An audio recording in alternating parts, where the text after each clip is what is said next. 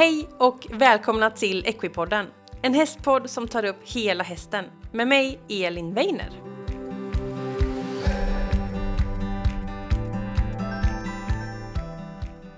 Då vill jag hälsa dig varmt välkommen till ett nytt avsnitt av Equipodden. Visst är ett nytt avsnitt av podden det bästa som kan hända sådär mitt i veckan på en onsdag. Och veckans avsnitt handlar ju om dressyr och dressyr det är ju så roligt och vi får träffa Anna Blomgren som är dressyrryttare som numera bor i Tyskland och vi får höra på vad hon anser vara dressyr, vi får höra om hennes filosofi, tankar om samspel, trygghet och väldigt mycket mer. Och det intressanta med Anna det är att hon kombinerar att tävla på den högsta nivån med att också ha ett otroligt samspel och hur man liksom är med sin häst och hur man jobbar med så lätta hjälper som möjligt. Och det tar hon verkligen till sin spets när hon plockar av träns och sadel och gör de svåraste övningarna lite mer i ett frihetsdressyrsperspektiv. Det är så otroligt intressant. Som sagt, det blir mycket prat om trygghet, mycket prat om samspel, men också motivation och glädje. Hur gör man med en ofokuserad häst, eller en häst som vet tittar på annat och håller på. Det är verkligen så intressant att höra Annas tankar kring så mycket saker. Det är så kloka och intressanta tankar. Så att, eh, nej, men jag ska sluta orda för nu måste vi bara kasta oss in i det här avsnittet för här kommer Anna Blomgren.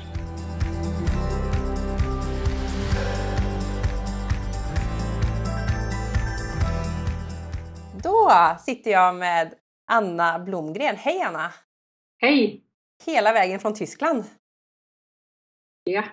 Vi sa det precis här att du bor i Tyskland och du sa att det var lite så här hästcenter, verkligen. Ja, det är det. Jag bor eh, nära Warendorf i Tyskland. Mm. Som är ja, lite hästmecka. Mm. Hästar överallt. Det är ju väldigt roligt. För du håller ju också på mycket med hästar så det är väl kul att leva i det, eller? Ja, det är verkligen det, det är skillnaden kanske i Tyskland mot i Sverige. Att det är ännu mer liksom hästkultur här nere. Mm. Eh, ja, I skogen och det är häststatyr i städerna och det finns flera olympiska guldvinnare liksom här i närheten. Och det är hästar och hästgårdar överallt så det är jättehärligt och inspirerande. Wow, man lever liksom i det. Här blir det, I Sverige är det ändå lite så, hästarna är lite vid sidan ofta. Eh, och lite utanför städerna och en bit bort så. Det är väl kul mm. att hästarna får vara lite mer i centrum där, där du är då? Ja. Hur länge har du bott i Tyskland? Jag har bott den här omgången sedan, ja i fem år ungefär. Mm. Härligt. Och du är ju dressyrryttare kan man väl ändå säga. Eh, men du, vi pratade, du har så otroligt många ben och gör så mycket med häst och, har, och vill så mycket och kan så otroligt mycket. Så det här ska bli ett väldigt spännande avsnitt. Men dressyr är väl kanske ändå grunden och plattformen, eller vad säger du?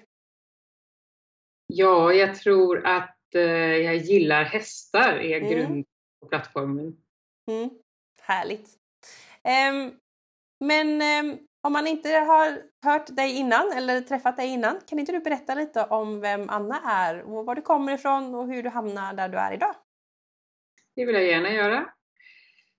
Och jag eh, kommer eh, utifrån Stockholm strax utanför stan.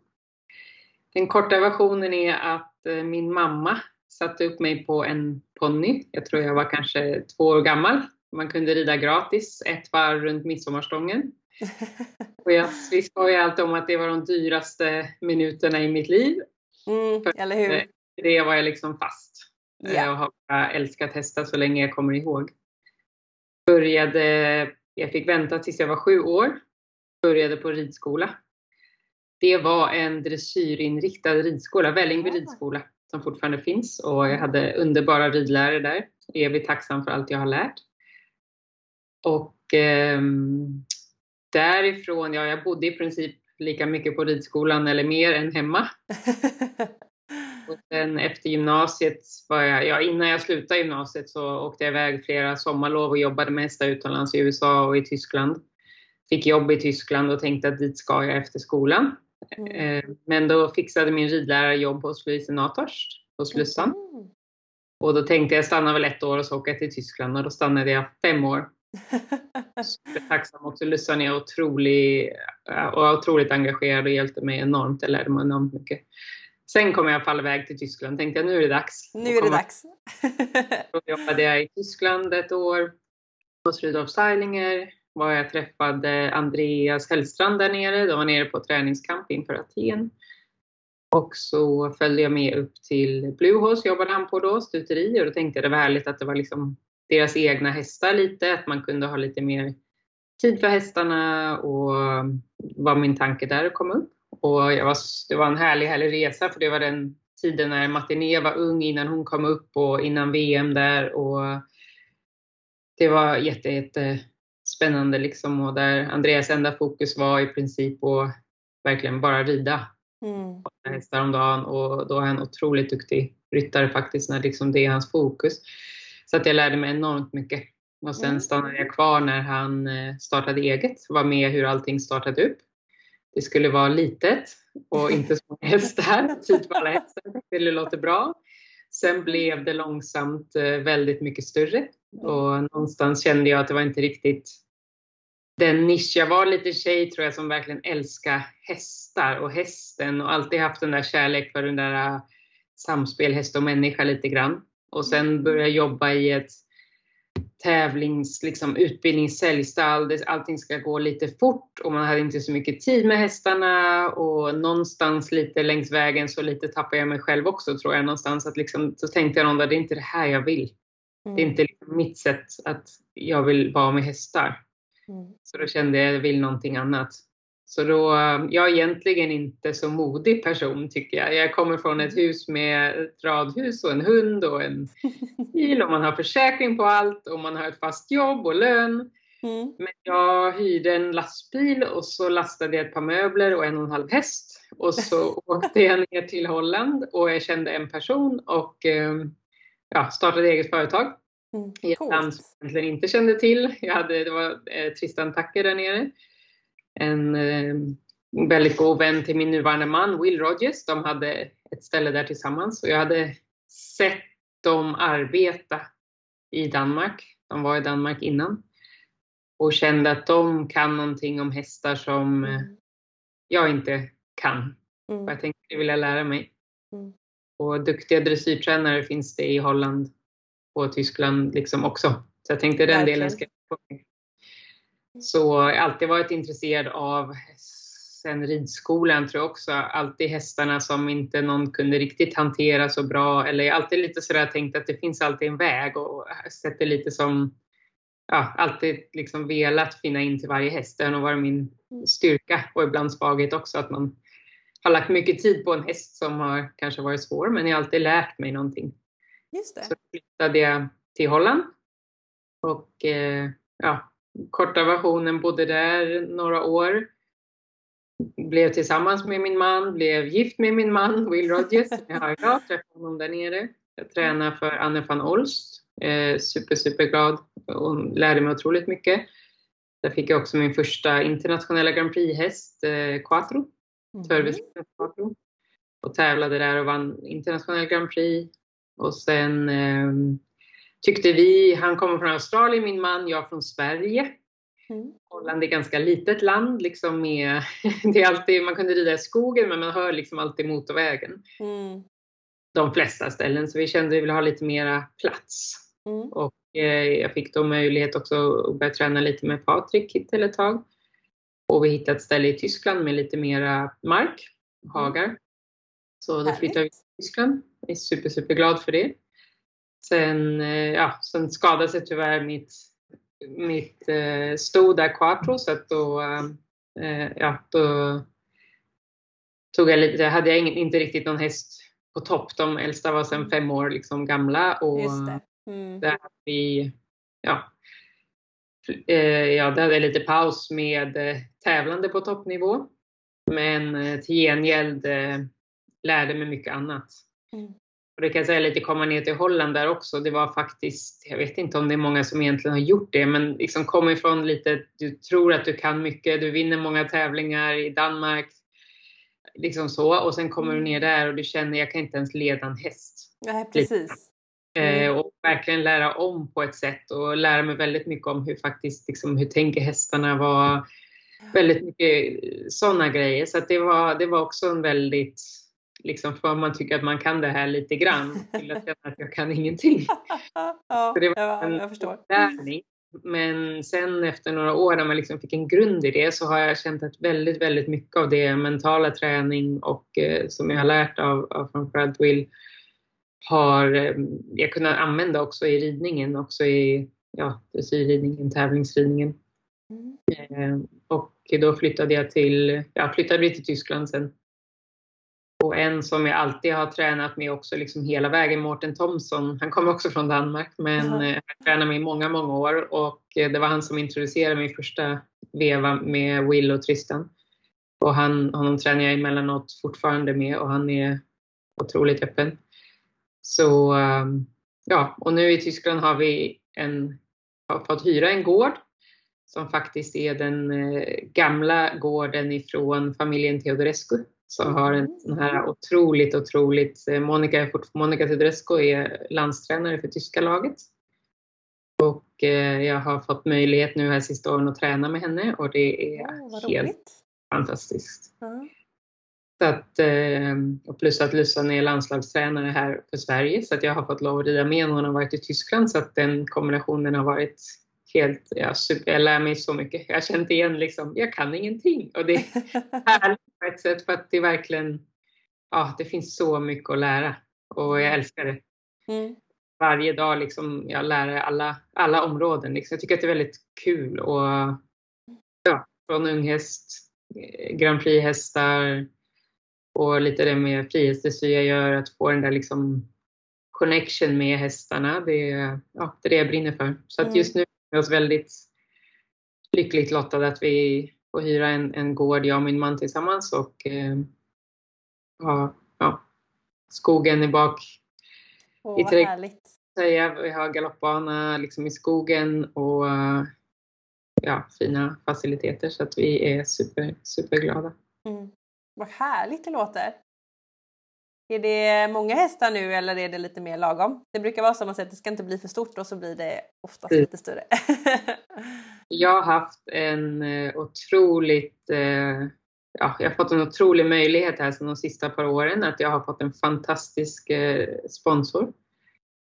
Tillsammans med hästägare som jag har jobbat med här i, jag vet inte, vi har känt varandra i 14 år tror jag nu. Mm.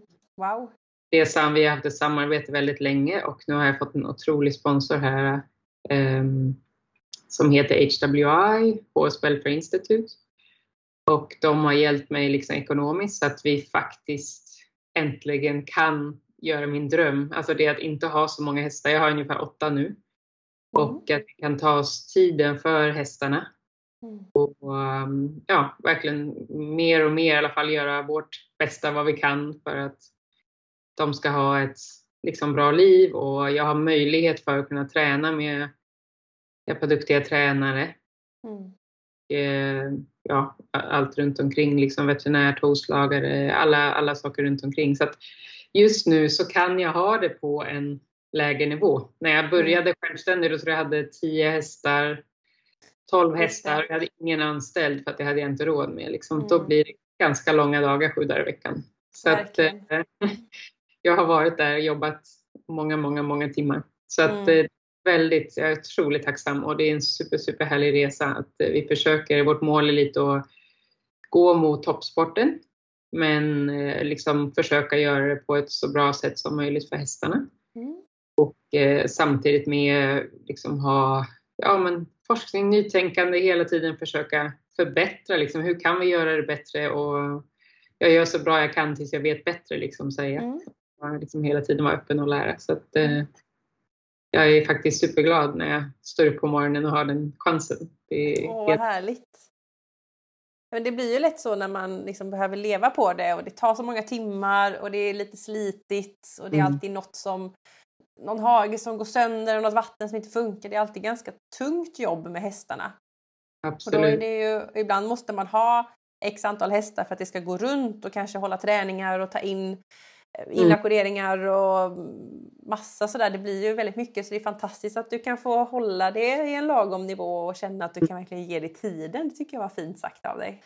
Um, men jag tänkte att det är väldigt kul att höra din resa och vi ska ta oss in lite då i dressyr. Och det, du sa det så fint att du rider liksom mot toppsporten men också det här med frihet och det är ändå en lite unik kombination tycker jag att du har.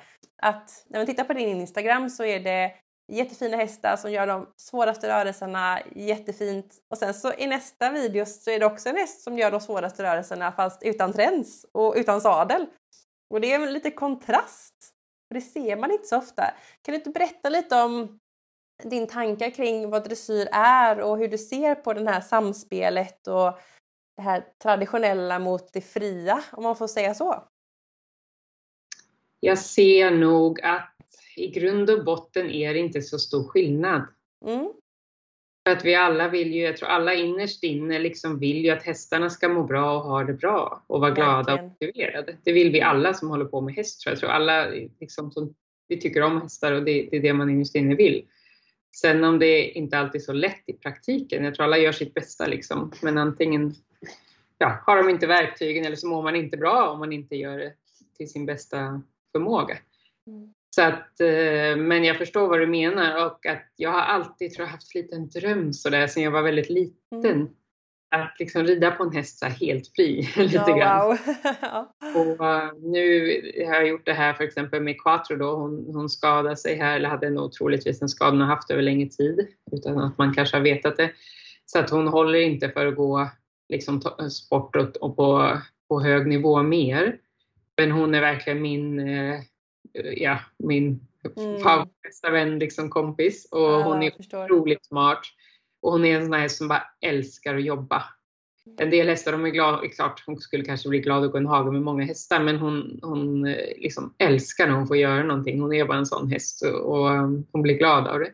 Så jag tänkte, vad kan vi då göra? Och då tänkte jag, jag, jag vill liksom se, kan det vara möjligt att rida utan någon utrustning lite grann för att se? Och hon är en sån här häst som är den mest känsliga, mest eh, instinktiva, otroligt explosiv liksom mm. häst jag någonsin har haft. Så det, mm. det, är nog inte den lättaste att göra det med. Mm. Samtidigt som att för att hon är så känslig så kan du få det för väldigt fina hjälper.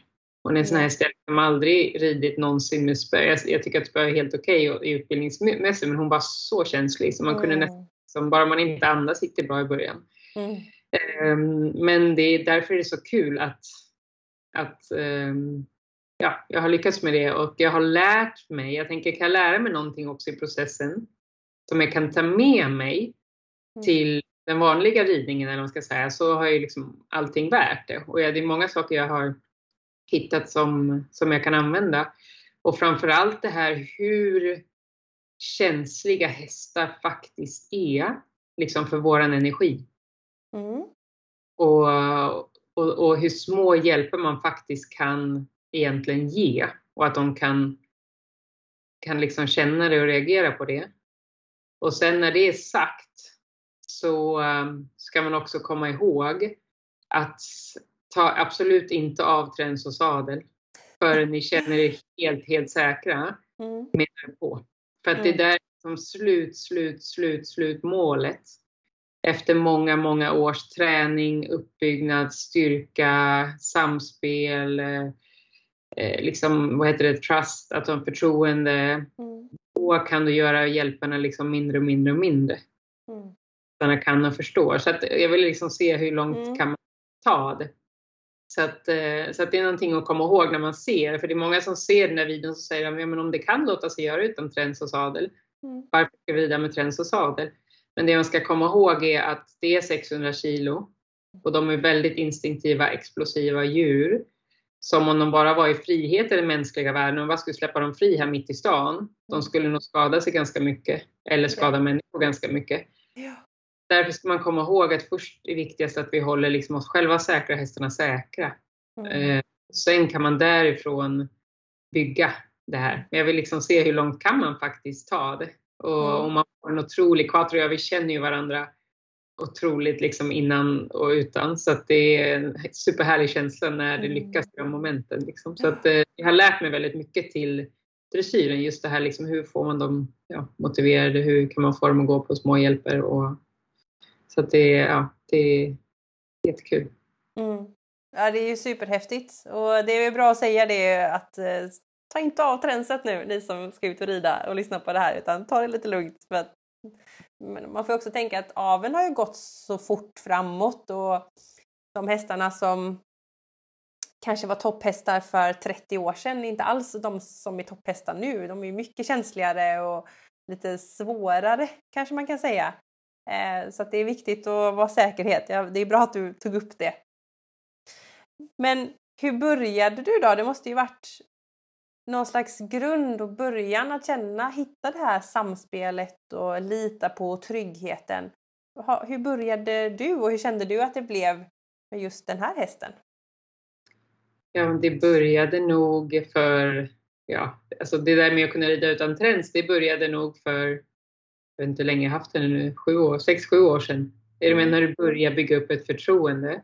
Mm. När du börjar bygga upp och liksom att hästen förstår dina hjälper, gärna vill lyssna på dina hjälper. Så att där börjar det ju. Sen mm. om jag har träns på eller inte träns på, det är inte så himla viktigt. Utan det är mer det här liksom förtroendet. Sen det är klart, har du inte träns på, då måste du ju sätta kanske eh, hjälperna ett annat ställe. Mm. Liksom en, du har inte bettet, om du tar i höger tygel så, så vill du att hästen följer med och svänger till höger. Och det är klart, har du inte bett på så måste du sätta den hjälpen ett annat ställe. Mm. Men det är ju liksom egentligen bara träning. Mm. Så att jag långsamt lär hästen att okej, okay, trycker jag här istället eller använder jag vikthjälper för exempel. Det är väldigt naturligt för hästarna. Mm. Nästan en ung häst går upp och sitter på den och hänger till höger så kommer den gå till höger för den kommer mm. vilja vara under dig för att hålla balansen.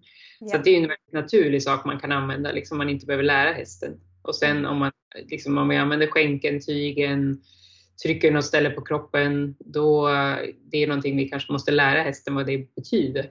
Mm. Så där har jag bara långsamt byggt upp att jag flyttat hjälperna från då kanske tygelhjälper eh, till ett annat ställe, vikthjälper eller att jag trycker lite på halsen eller om jag vill ha henne till att gå i form, att jag kan liksom, ja, på mitt säte och, och mina mm. händer på ett annat ställe.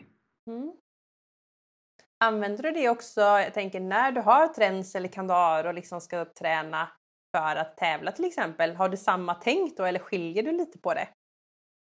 Jag tänker, har du liksom ett träns på så vill jag att de ska vara så vill jag också använda det på det sättet att hästen ska vara trygg. Men jag har bettet i munnen, men jag har träns på man har lösa tyglar mm. som hänger. Då kommer det inte vara skönt i hästens mun. För då har den ett bett som hoppar när den liksom galopperar. Men har du en mjuk jämn kontakt mm. så tror jag att det liksom är för de flesta hästar okej okay, komfortabelt att ha ett träns på. Mm. Mm. Skillnaden är liksom, har du träns på då får du nog kanske använda det för att du har det på. Annars kan du lika gärna ta av det. Mm. Däremot i den process du vill gå ifrån att rida utan träns till träns, då kanske du i början har ett träns på men inte använder det så mycket.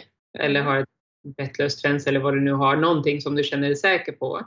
Mm. Och så kanske du måste sätta en hjälp någonstans och det viktigaste för mig var, jag sa så här, hur, jag vill i alla fall kunna stanna säkert. Mm. Ja, precis. Den är bra. Jag måste ha nödbroms liksom. Det, det, näst, det var det viktigaste för mig. Sådär. Mm. mm. Eh, så att då kanske man har tränat på utan att använda det. Men när jag rider tävlingshästarna så vikthjälper, det här med att de är väldigt känsliga för vår energi. De hjälperna har du också om du har sadel och träns eller inte sadel och träns. Mm. Så det använder jag liksom samma och det här med att hela tiden försöka förfina mina hjälper. Mm. Det är lättare några dagar än andra, det är lättare på några hästar än andra. Det är liksom, ja, men det är mitt är mål det. hela tiden att kunna liksom rida med så fina hjälper som möjligt. Men eh, som sagt, det är inte alltid lätt.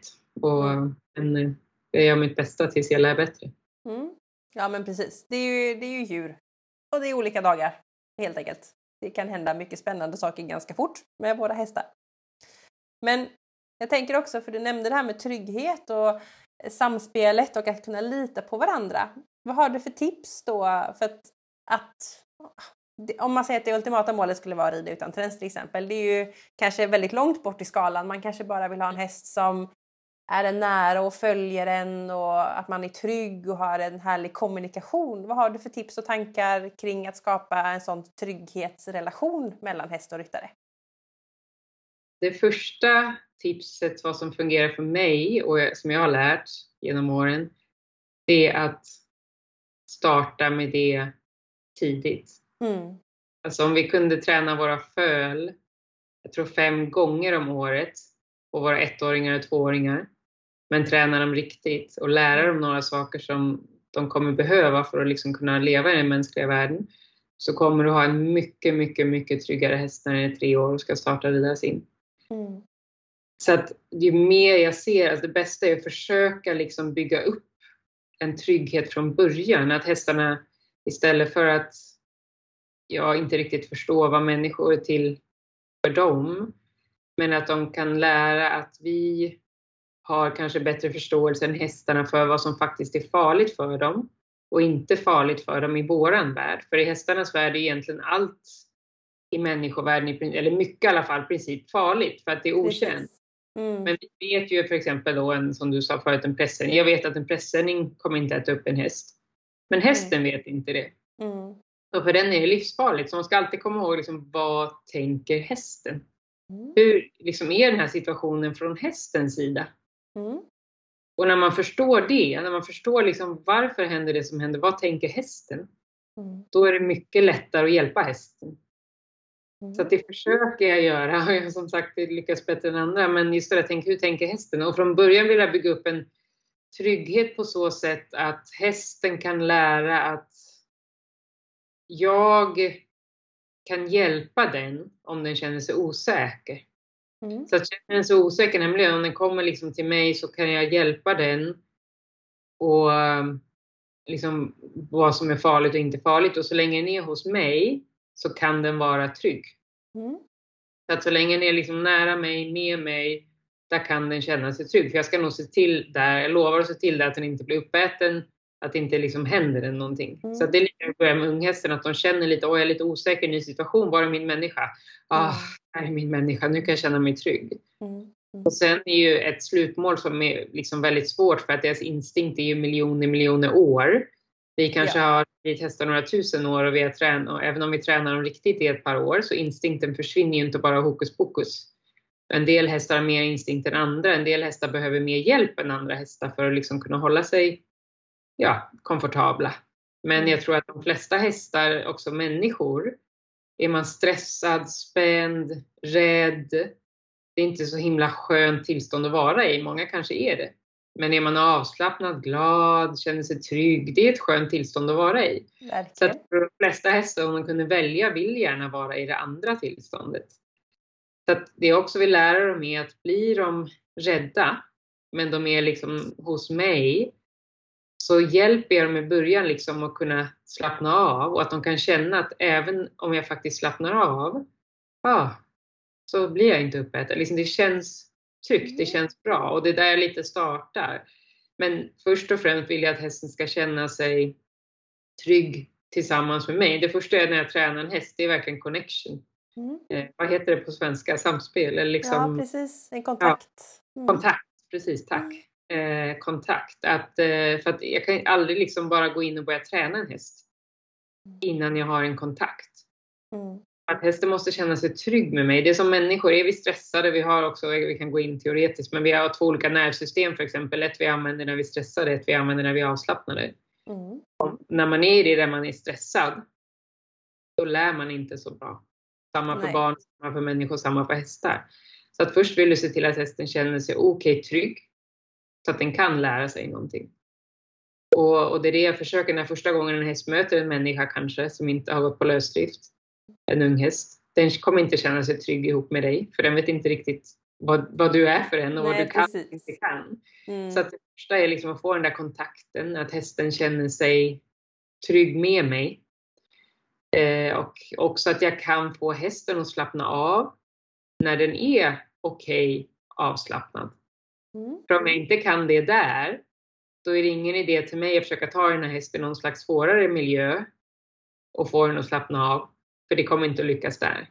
Nej, precis. Kan jag inte liksom hjälpa hästen att slappna av lite mer i boxen när den känner sig trygg för exempel, Mm. då kommer jag inte kunna göra det heller någon annanstans. Mm. Och det är någonting jag har lärt, att liksom bygga den här kontakten. Och den, sen kommer instinkten in och vi är människor och vi gör fel. Så det kommer inte att lyckas alltid. Men om du har verktyg och du har en bra grund Så det enda jag säger är att det är större chans Mm. att få en häst som är trygg Mm. och känner sig komfortabel och lugn ihop med dig eller i sin miljö. Så att vi tänker mycket där på att förbereda unghästarna eller hästarna för liksom världen eller ett liv i våran värld. Mm. Inte bara förbereda dem på att de ska kunna ha en sadel och ryttare på. För att då du kommer ut på tävlingar, alla vill inte tävla men de kanske vill rida i skogen, de kanske vill ja, byta miljö och, eller, eller om man vill tävla på högre nivå. Det är mycket som händer på en tävlingsplats. Men att man förbereder dem lite på att vi lär dem lite mer också ett koncept. Mer än att du liksom bara, om du lär hästen att inte vara rädd för paraply, ja men det är jättebra. Men det kanske tränar med ett blått paraply och så kommer ett rött paraply på tävlingen. Ja, precis. Då har du ett långt liv att träna. Men Mm. om du istället kan lära hästen liksom ett koncept. Om du känner dig rädd, spänd, Mm. så kan jag hjälpa dig att slappna av. Och sen så sista målet är ju också att hästen faktiskt självständigt kan lite hitta den, Mm. vad ska man säga, kontrollen över sin kropp. Eller att någon gång att den liksom kan själv Ja, känna att den kan slappna av så lite. Att det finns en annan utväg än att bara spänna och springa. Vilket naturligtvis i den hästvärlden är ett bra sätt för att överleva. Men i våran värld där hästen är nu inte är det bästa för hästar alltid för att de kommer till skada om de skulle skena full fart i stan eller på asfalten eller ut från tävlingsbanan. Så att, eh, så att för att hjälpa hästarna eftersom vi har satt dem i den här världen så därför vill vi kunna liksom på bästa sätt hjälpa dem och, och kunna vara trygga och ha det bra i våran värld. Mm. Gud vad intressant. Jättefint sagt. Och lite att de själv kan hitta den sinnesstämningen liksom och landa in. Det är ju väldigt härligt. Har du något, någon övning du gör eller hur gör du för att man kommer in till en, en ung häst som är lite sådär lite överallt. Hur, hur gör du för att den ska liksom komma till dig och hitta det här lugnet? Är det godisar eller kli och massage eller hur tänker du? Så vi använder godis, kan vi använda ibland. För att vi liksom tänker väldigt mycket, vi försöker göra lite positiv respons, men det är nästan ännu bättre din egen energi. Mm. Det är mer viktigt. Och hästar de gillar godis och de äter ju hela tiden, för de är ju alltid lite hungriga på ett sätt. Ja, precis. På stundar, de äter bara ibland. Men till gengäld för hästar, eftersom de är flyktdjur, om de verkligen blir rädda. Det viktigaste för hästar är trygghet, det är inte mat. Mm. Och det ska man komma ihåg. Så att mat Mm. kan funka som en positiv reinforcement eller lite glädje eller kul eller liksom, det kan man absolut använda. Men kom ihåg att trygghet är det hästar är viktigast för hästar. Just det. Mm. Så att om jag kommer till en ung häst för exempel i boxen som inte känner till människor. Det allra första är att jag faktiskt, och det är någonting vi har lite ändrat på sista åren, men att hästen liksom lite känner att jag ser och känner Mm. hur hästen har det. Mm. Är med? Om hästen är lite spänd och ängslig och tittar runt, om jag bara går in och säger kom här nu, då, då, är liksom, då Mm. möter jag lite fel energi. Att jag liksom går in, kanske väntar i dörren. Det viktigaste är att du själv står ett ställe där du är säker. För en ung Mm. häst som är osäker, om du bara går in och hamnar bakom, den kanske sparkar ren instinkt, inte för att den vill skada dig. Så att man ska alltid se till att man själv liksom är säker. Mm. Ehm, Men därifrån, liksom att jag ja, väntar lite kanske i dörren och, och ser vad hästen är. Vad, hur känner den här hästen? Och ibland när man får den här känslan, när hästen liksom känner att ah, hon liksom tittar åt något håll, jag kanske tittar lite åt det hållet också. Liksom bara så att hästen förstår, för ett ögonblick känner ah, hon är också medveten om att det är lite farligt här runt omkring. Lite grann, så att den liksom Mm. får den här känslan att jag är med den. Mm. Och sen därifrån så kanske jag försöker ta dens energi lite mot mig. Mm. Att om jag liksom kanske lägger lite tryck på min röst eller, eller min, lyfter min hand och hon är lite rädd där, att jag kanske liksom om den bara vänder ett öga kan du titta på och kommer mot dig. Så bara direkt ge en, ah, det där är bra. Ge en good girl eller bra eller bara känn din egen energi, bli liksom lugn, Mm. trygg, eh, skön. Och försöker den då kanske springa bort ifrån mig, där kanske jag kan komma med lite mera, eh, vad ska man säga, tryckande eller starkare energi igen. Så att den liksom känner, åh, där är det lite mer, men om jag går mot den här människan, ah, det känns ja, skönt. Mm. Så att jag känner liksom allting går, som går mot mig, det är skönt. Då går jag lite bort. Inte att du liksom vill skrämma en eller göra, men att du liksom lite För om vi nu ska kunna hjälpa den här hästen så är det ju viktigt att den kan lära att jag kan hjälpa den i den här miljön. Så om den bara springer bort när jag kommer, då har jag väldigt svårt att hjälpa den. Mm. Så därför börjar man lite där, att då kanske jag lägger lite ljud på eller någonting igen och så fort den kommer mot mig, så att den liksom känner till sist, ah, här är det mm. att vara. Och en unghäst är väldigt, väldigt, speciellt om de inte är hanterade mycket, de är ganska snabba på att märka liksom energi och så också, var det skönt. Och har de ingen vad ska man säga, har de inga dåliga erfarenheter, då har de inga erfarenheter. Då har de heller inget dåligt att gå tillbaka till. Så att allting Precis. för dem är nytt. Att de lär väldigt fort, lite grann som barn också. Mm. Mm, eh, och, och, så börjar jag där, när jag känner att den får förtroende, den kommer upp till mig. Då kan jag liksom ta nästa steg som kanske är då att lägga handen på. Och då går jag i princip samma princip med det. Tills jag liksom kan röra den överallt. Med unghästarna tränar jag dem alltid att jag kan liksom de här, vi fick in ett par hästar här för i våras som inte har varit hanterade. Den ena var väldigt rädd för människor, den sprang bort liksom när man kom nära. Men då mm. tränar det tar bara ett par dagar liksom, om du gör det riktigt, eller en dag, två dagar. En dag kan du röra den och att, det liksom att du kan mm. ta, röra den överallt och i princip kan sätta på en grimma utan att ha en grimma. Jag vill gärna ha dem där till istället för att jag prövar att liksom smyga på en grimma. För då kanske mm. lyckas få en gång, men hästen blir rädd, vet inte vad som händer. Och gång två kommer den vara rädd. Men om den är van, du kan hantera, klappa den runt då är det lätt att sätta på den. Så att ofta tänket, en sak jag har lärt är att om det tar längre tid första gången, men hästen får en bra, inte bara en okej okay erfarenhet och tycker att det är okej, okay, men får en riktigt bra upplevelse. Mm. Då kommer det gå fort alla gånger resten av hästens liv. Så att den tiden, det är någon som tar lite längre tid men det kommer gå snabbare resten av livet. Så ska du ha hästen i flera år eller någon annan ha hästen flera år så den tiden betalar tillbaka mångfaldigt. Mm. Ehm, på de steg jag vet att jag liksom behöver för senare i processen kommer jag ha problem kanske om jag inte får det på plats. Just det. Så att det är så jag tänker med generellt med eh, med trygghet och samspelet och, och så. Ja, ja. ja. Häftigt! Jag gillar det du sa där precis i slutet här att att om man tar det lite längre tid på det som är i början så kommer det bli så mycket lättare sen. Eh, mm. Det är många som bara vill ruscha fram och liksom mm. ta sig så långt fram som möjligt och sen så möter man den här väggen till slut. Och om man tar det lite lugnt så kanske den inte kommer. Och där får man veta att man har redskapen också. Det är klart om man bara står och väntar en timme mm. så kanske man kan vänta i fem timmar utan att man får resultat också. Så det är det ja, precis. att vi vill helst ha att det ska gå man vet alltså, vad ska man säga, inte spendera onödig tid. Alltså, Nej, så fort som möjligt, men där vi vet att vi liksom behöver kanske få några steg på plats. Mm. Där tycker jag att, liksom att det är viktigt att, att ta den tiden. Mm. Coolt.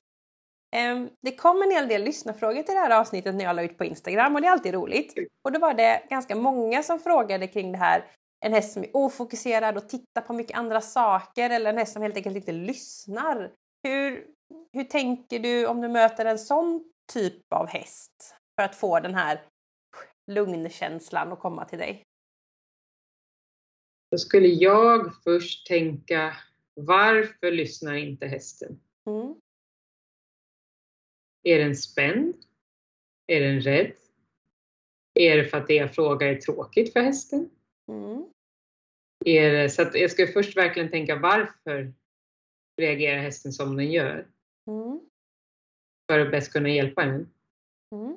Och om hästen då är rädd, se till att jag får liksom en kontakt med hästen så att den känner att en sak som är väldigt viktig att tänka är att det vi frågar hästen, om hästen känner att det är användbart för den, det vi normalt frågar, mm. då kommer den vilja svara. Mm. Men om den känner, om en häst som för exempel är rädd och vill titta åt andra håll och spänner upp. Mm. Och jag säger nej, kom hit och jag försöker vända runt och gå åt andra hållet. Mm. Men den är rädd där bakom och den har inte liksom, förtroende för mig. Jag har inte den där kontakten. Då kommer den bara tycka att jag är i vägen. Mm. Det är ju livsfarligt där bakom och jag säger till hästen, nej du får inte titta. Det är ett lejon ja, som ska äta upp dig men du får inte titta på lejonet. Bara gå åt det här hållet, låt lejonet vara bakom dig. Yeah. Den kommer ju tycka att inte tycker att jag är användbar i den mm. situationen.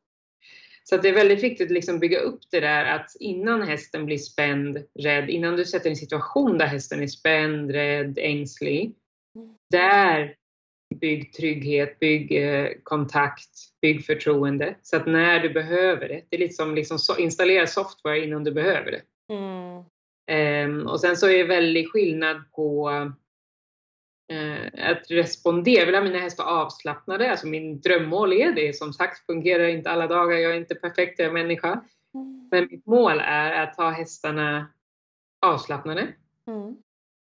Men att de responderar. Mm. Att om jag frågar någonting, och det är så lite med tävling, så frågar jag om en piaff, då vill jag verkligen wow att den ger en piaff. Yeah. Men om jag säger att den kan slappna av så kan den slappna av lite grann. Mm. Och det där är ju bland det svåraste liksom att få till. Men det är mitt mål. Så att en häst som är avslappnad är inte en häst som är desensiterad eller en häst som är, vad ska man säga, slö. Det är en mm. väl, eller som inte reagerar, alltså inte slö men en häst som inte reagerar. Mm. En häst som är väldigt stor skillnad på en häst som inte reagerar och en häst som är avslappnad. Mm. Det är någonting man ska komma ihåg. Så att har man en häst som är då spänd och inte lyssnar, varför lyssnar den inte? Hur kan jag bäst hjälpa min häst? Lyssnar min häst i en trygg situation till att starta med?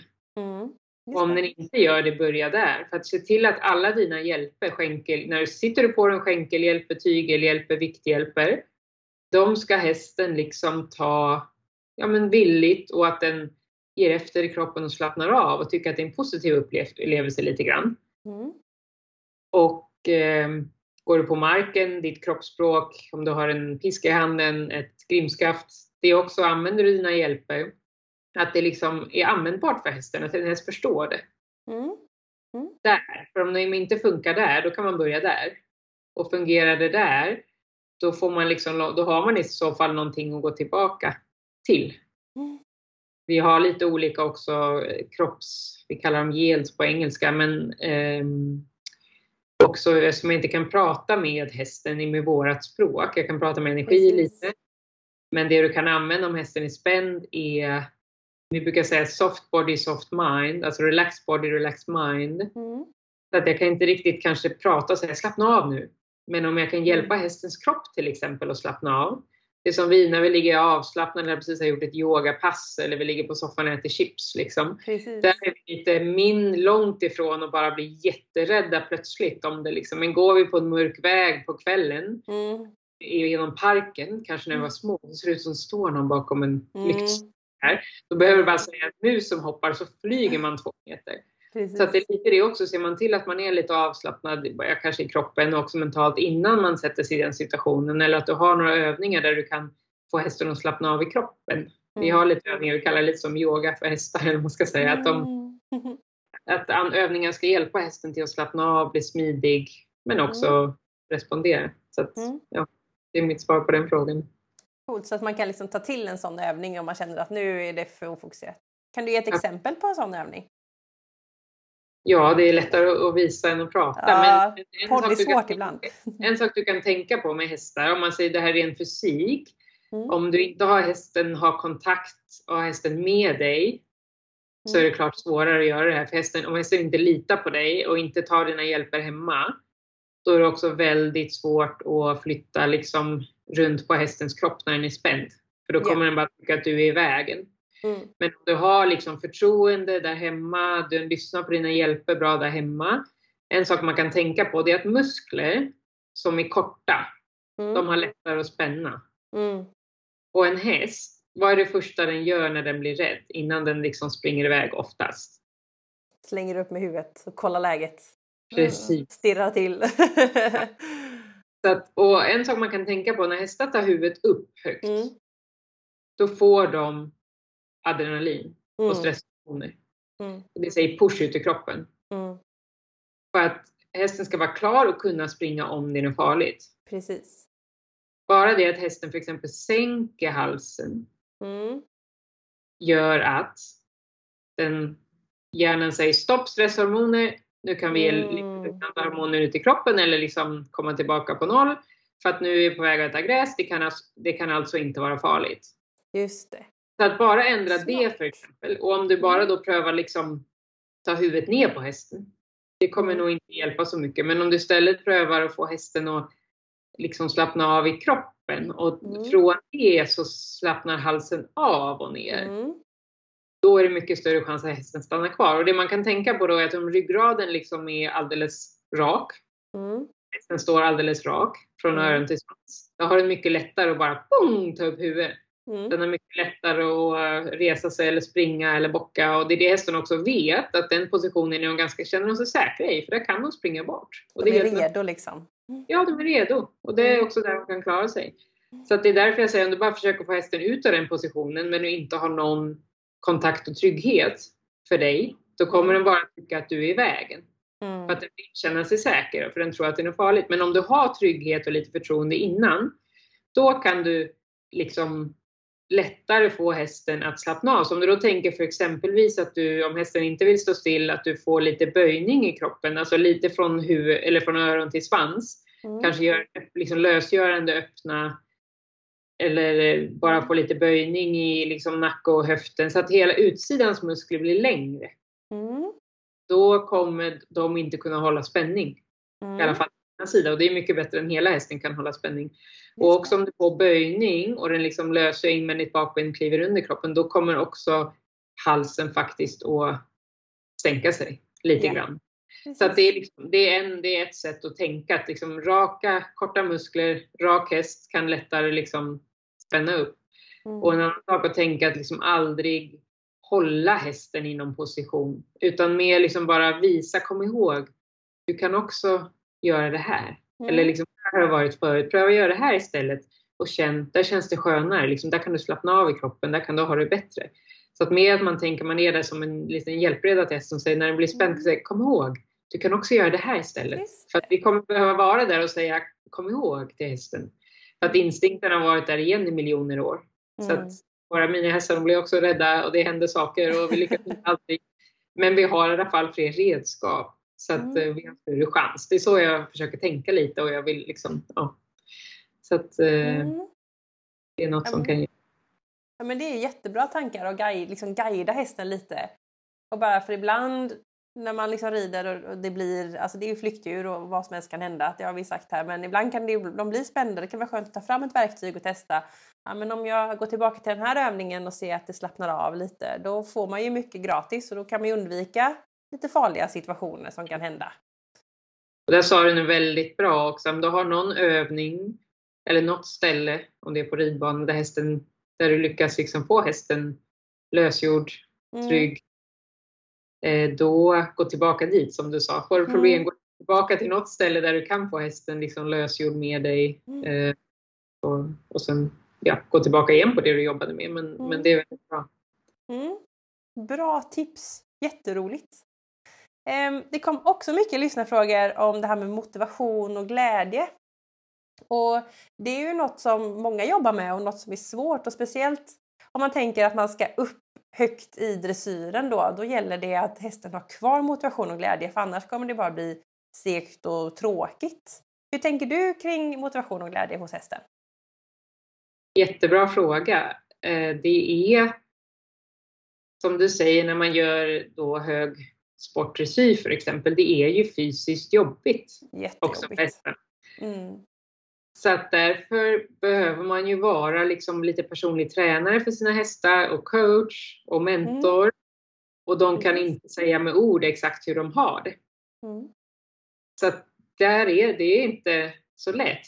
Men det viktiga är då att hela tiden försöka lyssna på din häst. Alltså är den trött? Kan den mera? Är den spänd? Eller är den trött? Är den, eh, liksom, lyssnar den inte för att den är spänd? Eller lyssnar den inte för att den inte vill? Mm. Det är också en väldig sak att fråga. En del säger att den är slö, men den kanske faktiskt inte är slö, den kanske är spänd. Mm. Många hästar upplever jag många gånger att de säger den här slö, den reagerar inte. Nej, den är faktiskt spänd. Och när du får den hästen till att slappna av eller bli lite mer lösgjord i kroppen så responderar den faktiskt bra. Behöver inte vara, men kan vara. Och väldigt mycket med motivation, vad jag försöker, som jag tycker fungerar, så är det liksom att bygga upp det lite liksom intervallträning. Att inte göra, speciellt när du lär hästen saker, inte för långa bitar. Mm. Att när det är bra så är det bra. Mm. Sluta där. Mm. Inte gör det igen. Lussan hon sa alltid en så bra grej. Hon sa en gång, ingen gång, två gånger är bra. Och det är lite så här, testa inte fem gånger om det funkar för då tycker hästen att det är tråkigt. Och, och Mm. fortsätter tio gånger då ska du nog få ett dåligt svar. Mm. Men hästar är väldigt smarta och hästar kommer ihåg. Så att just det här liksom fråga och hitta motivationen och um, om hästen är... Var också en sak som är ju faktiskt att vara konsekvent Mm. för att få motivation och låt hästen ta ansvar själv. Det är någonting som om man tittar på människor, ofta när vi får ansvar själva, Mm. då är man mer motiverad. Ja. Det står någon över och tjatar tio gånger att du ska städa ditt rum. Liksom, så är man så här, ah, jag Ja, ska precis. städa. Ja. Men eh, om liksom någon säger så ah, städa ditt rum till på fredag. Mm. Det brukar vara trevligt. Liksom. Och sen då om du inte har städat det på fredag och någon kommer och säger hej, nu Elin får du faktiskt städa ditt rum. Mm. Blir du inte så sur eller rädd när de säger till? För du vet liksom, okej jag har haft tiden. Precis. Jag har haft liksom möjlighet Mm. och jag har inte gjort det. Liksom. Då Mm. blir du spänd om man någon gång säger till lite för exempel. Mm. Men om jag kommer bara plötsligt och säger varför har du inte städat ditt rum? Precis, då blir det jättejobbigt. Jag är nog rädd och förstår ingenting. Liksom. Mm. Då säger du så här, jag hade tänkt att göra det. precis. Jag inte hade tänkt att göra det, eller hur? Ja, Så att det är någonting att tänka på det, liksom, fråga, ge dem lite tid att göra det. Och sen kanske om de inte gör, jag tänker alltid på några saker, om jag nu korrigerar en häst där det kommer in med energi. Om hästen liksom förstår, jag är säker på, eller ganska säker på att hästen liksom förstår vad det är jag frågar. Mm. Nummer två, jag vet att den fysiskt kan göra det jag frågar. Mm. Och jag ger en tid att utföra det jag frågar. Mm. Då kan jag liksom komma in med lite mer energi och säga kom nu, liksom, ge mig lite mer. Försök att svara på frågan. Och om då hästen svarar på frågan, då kan jag verkligen komma med positiv energi och säga super, det där var Mm. och så gör något annat eller sluta eller stoppa eller ge en paus. Mm. Då får man liksom motivation. Mm. Sen kommer det svåra är kanske att någonstans kommer det också att hästarna ska vara, det är jobbigt, alltså som för oss. Liksom. Och någon dag, jag tycker att det är jättehärligt att träna själv för att jag vill själv känna hur det Mm. känns att träna hårt. Så att liksom jag kan, annars kan jag inte fråga mina hästar att göra det. Mm. Men man mår också väldigt bra av att träna efteråt. När man väl har gått till gym eller varit ute och sprungit en runda, man får endorfiner eller gjort Mm. yoga, man blir smidig. Alltså man mår fysiskt bra. Mm. Men det, varför gör inte alla människor det? Ja. Eller hur? Och det är samma med hästar lite. Precis innan träning, man kanske tycker att det regnar lite eller man tycker att det är Mm. skönt på soffan, eller man tycker att det är tidigt på morgonen. Mm. Och där måste vi vara lite personliga träna för våra hästar på det sättet att ja men kom nu, låt oss vara träningskompisar. Liksom. Jobba lite, Precis. jobba lite. Gör en långsida, liksom. kom igen nu. Och då kanske man får vara lite efter dem. Men gör de då den, det momentet du känner att de ger dig, där måste du belöna lite grann. Mm. Och jag belönar väldigt mycket att hästarna prövar. Om, om de börjar pröva och liksom leta efter ett svar, då kommer man väldigt långt. Mm. Men sen kan jag också märka, nu är jag min Grand Prix-häst här, liksom att när man kommer upp så kommer också någonstans när de behöver styrka. Ja. Det som man tittar på dressyr, liksom, det är lite som på högsta, högsta nivå, är lite som dans, ballett. När vi tittar på en balettuppvisning och det ser lätt ut, Mm. de är otroligt starka, otroligt smidiga, har en Mm. otrolig kondition för att det ska se lätt ut. Mm. För att de ska kunna njuta och dansa så behöver de ha den här styrkan och konditionen. Och det är lite samma för hästar känner jag på högsta nivå. Att om, de, om man lång, alltså det här är ju, bygga upp till Grand Prix, det tar ju 5-6 år att bygga en häst upp. Verkligen. Det är ingenting som händer på två månader heller, utan det är verkligen det här med har man gjort sitt arbete och jag känner nu, komma till Grand Prix är en sak, men sen faktiskt bli stark på den nivån, få Mm. att det ser lätt ut, att de orkar gå flera dagar i rad, flera Mm. tävlingar i rad. Okej, jag känner okej, vi behöver mer styrka här och det tar Ja. två, tre veckor kanske vidare. Ja. Så det också något man ska komma ihåg, att motivation, och det är alltid det där med liksom hur mycket, jag måste fråga lite så att hästen blir starkare. För gör Mm. man samma arbete varje vecka, då blir man ju aldrig starkare. Så man måste ju pusha sig själv lite grann. Mm. Men inte för mycket. För man vill liksom att de fortfarande ska må bra, vara sunda, inte få skador. Och den gränsen är väldigt, väldigt svår. Det är svårt för oss människor. Mm. Och de man inte kan prata med. Men till gengäld tror jag en häst som tränar bra, är smidig, har bra kondition, den känner sig också, liksom, tycker att det är kul ofta. Verkligen. Eh, Så att det är en svår fråga just det här med motivation. Men hela tiden tänk, tänker jag på de sakerna att positiv liksom reinforcement när de ger du vill ha. Mm. en paus eller gör något annat. Liksom, var glad så den känner liksom att den, Mm. man har en tränare och man säger super, det var jättebra Elin, bra jobbat, jättehärligt. Ja. Då blir man lite glad liksom.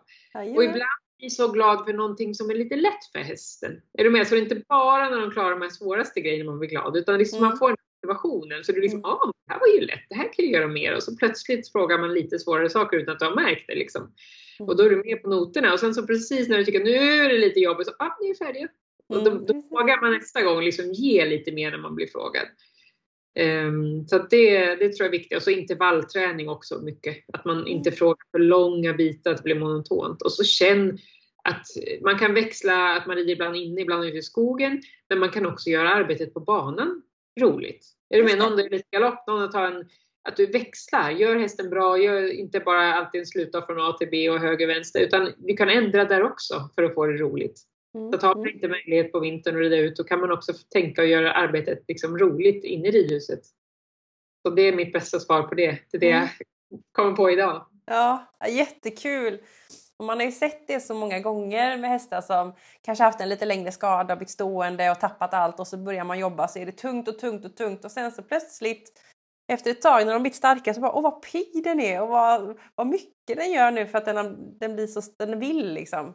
Mm. Jag tycker också om att träna, jag tycker det är så härligt och man, man mår så otroligt bra efteråt. Ja. Även om det kan vara väldigt tungt i början men eh, det är så roligt när man väl har gjort det och så skönt efteråt. Mm. Ja, jättekul. Nu har vi pratat på en bra stund som vanligt. Tiden går ju alltid iväg och jag tänkte att vi skulle prata om, om en sak till och det kom ju också en del lyssnarfrågor kopplat till. I och med att du är så aktiv i dressyrsporten och ändå har den här samspelet, tryggheten och eh, rida utan trend så att du har med dig den också. Så var det många som frågade lite om din syn på dressyrsporten, tävlingen, eh, bedömning och utrustning och, allt sånt. Det har varit väldigt mycket nu eh, diskussioner i dressyrvärlden de senaste åren. Och du har ändå levt i det här. Vad, vad tycker du och vad tänker du om det? Jag tänker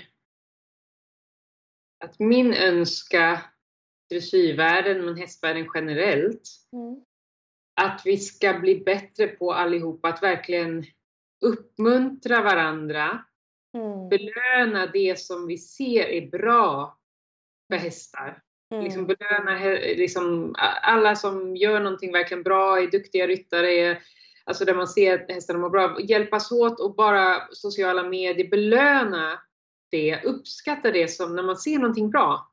Mm. Direkt uppskatta eller lägg en bra kommentar. Och hjälp varandra, dela kunskap. Om någon nu sitter med kunskap som kan hjälpa oss att rida bättre eller hästarna att må bättre eller vad, vilket område det än är. Dela den, dela ut Mm. den. Mm. Det är så svårt om vi alla kan hjälpa varandra. Ser du någon som inte tycker, du tycker inte att du gör något bra, du vet ett bättre sätt. Hjälp dem, Mm. eller hur? I alla fall dela med det du. Det du vet. Mm. Om vi alla, jag tror att alla som håller på med hästar, som jag sa förut, det finns inte någon som inte vill att deras häst ska vara glad och må bra. Precis. Så att om vi alla kan hjälpas åt, alltså med dela kunskap. Jag tror att det är två saker till för att liksom sporten ska gå framåt, hästar ska må bra. Och det är att kunskap, en. Nummer två, att vi människor mår bra. Mm. Om du kommer till stallet i bra humör och, och du har sovit bra och tränat och överskott. Om din häst är lite svår eller sur, ja men ja, du har tålamod. Och, men kommer du till stallet och du är stressad och sur och ah, du har bara en halvtimme, ska hoppa upp på hästen och du har bråttom och tänker på vad du, ditt flygplan imorgon eller räkningar ska betalas. Du är inte lika bra, du har inte lika bra Nej. tålamod. Och hästarna förtjänar att vi är vår bästa version när vi kommer till dem. Verkligen. Så det när jag tittar på dressyrsport eller vilken sport som helst eller hästsport. Att det här istället för att peka ut varandra och det är inte bra, det är inte bra. Mm. Låt oss allihopa som håller på med hästar försöka hjälpas åt. Alla göra det de kan för att hästarna ska ha ett bättre liv. Mm. Det, det tänker jag i sporten i övrigt. Alltså det är vad jag tänker. Mm. Ja, det är så bra sagt. Och tittar man lite, alltså de sista 5-10 åren har ju sociala medier ökat så mycket och man ser så mycket folk skriver taskiga kommentarer och ehm, det blir sån, kan bli så negativ stämning så jag tycker det är så bra det du säger Anna att man ska lyfta upp varandra, hitta det positiva och lyfta det positiva och dela med sig och basera på kunskap. Det är jätteviktigt. Jag tänker om vi fortsätter göra det då kommer det bara finnas, det liksom, då kommer alla vilja bara bli bättre. Eller och i sporten, i sporten också börjar man se, det börjar ändras i toppsporten. Alltså det, det är många, som har väldigt fin kommunikation med sina hästar och det mm. börjar belönas mer och mer på tävling, att just det här mm. trycket på hästarna och så att jag tycker ändå att det liksom, om vi alla hjälps åt så kan vi få det i, åt rätt håll och så speciellt i dressyrsporten och i all hästsport. Mm. En sak jag önskar det är att verkligen få tillbaka fokuset på hästen. Mm. En del pratar om tävlingar och det är hit och dit och det är Rolex-klockor och det är pengar, ja. prispengar och det andra. Och det är, ja, Falsterbo, underbar hästfest och människor. Och, tänk en sak, det finns en anledning till att vi alla kan göra det här. Mm. Det är fast vi har djuret häst.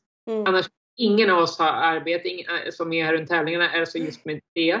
Ingen av oss kunde göra det vi gör. Mm. Så tänk vad otroligt att ett djur kan samla så många människor. Ja, det är så häftigt. Det, det, är någonting jag tycker att vi alla ska komma ihåg. Och det är om man är på total amatörnivå eller toppnivå. Alltså, det, det, det önskar jag. Mm. Ja, det är häftigt. Om man tänker sådär, om man tänker hur många tusentals människor som samlas för de här stora tävlingarna bara för att vi råkar tycka om en häst. Mm. ja, det är så häftigt. djur alltså. Ja, det är de. Ger så mycket glädje. Men eh, alltså Anna, det här har varit ett så härligt samtal. Och jättekul att höra dina tankar och man får själv tänka och det låter så enkelt och självklart och sen är det inte alltid så enkelt den där dagen man är hungrig och stressad i stallet. Men tankarna är i alla fall väldigt bra. Och det var jätteroligt att få lyssna på dig och jag tänker att om man tyckte att det här var intressant då kan man ju följa dig på sociala medier, eller hur? Det kan man göra. Mm. Genom att söka Anna Blomgren. Precis, det är Anna Blomgren Dressage, är det va? Anna Dressage heter mitt företag. Ja. Just det. Och äh, finns ju på Instagram och sådär. Ja. Och äh, du har en hemsida också.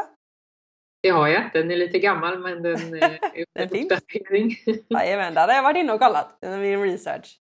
Vi ska men... försöka börja lägga ut lite mer här. Mer på det sättet bara att jag, ja, om någon har lust att följa eller kan ge något, kan någonting jag gör hjälpa någon annan mm. så är det värt det. Liksom. Det önskade jag när jag var liten, att man kunde få se lite och följa med lite och ja, bli inspirerad. Så det är det jag vill göra, inspirera bara. Och, Precis.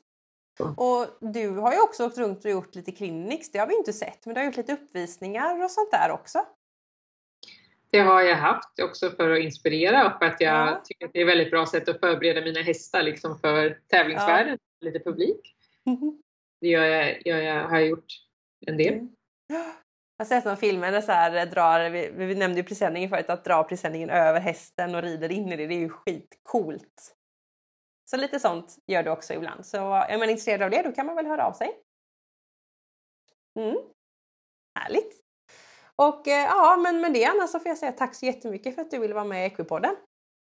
Jättetack för att jag fick komma och tack för ditt arbete du gör inom hästsporten också Elin. Vad roligt! Tack!